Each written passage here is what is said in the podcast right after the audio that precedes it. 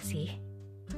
Kamu ada di satu momen di mana hidup kamu mulai terasa tenang, damai, gak ada masalah.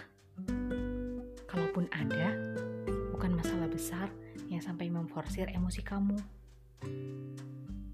Hingga di suatu titik, kamu merasa ketakutan. Takut momen itu akan segera pergi takut momen itu hanya singgah sejenak. Takut tidak bisa berlama-lama menikmatinya. Dan akhirnya, ketika masalah muncul kembali, kamu sedih berkepanjangan.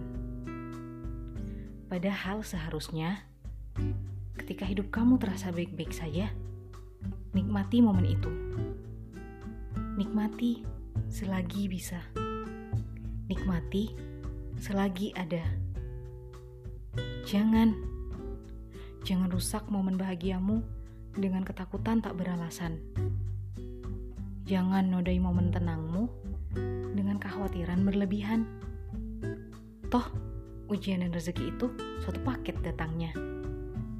Pun, masalah dan solusinya.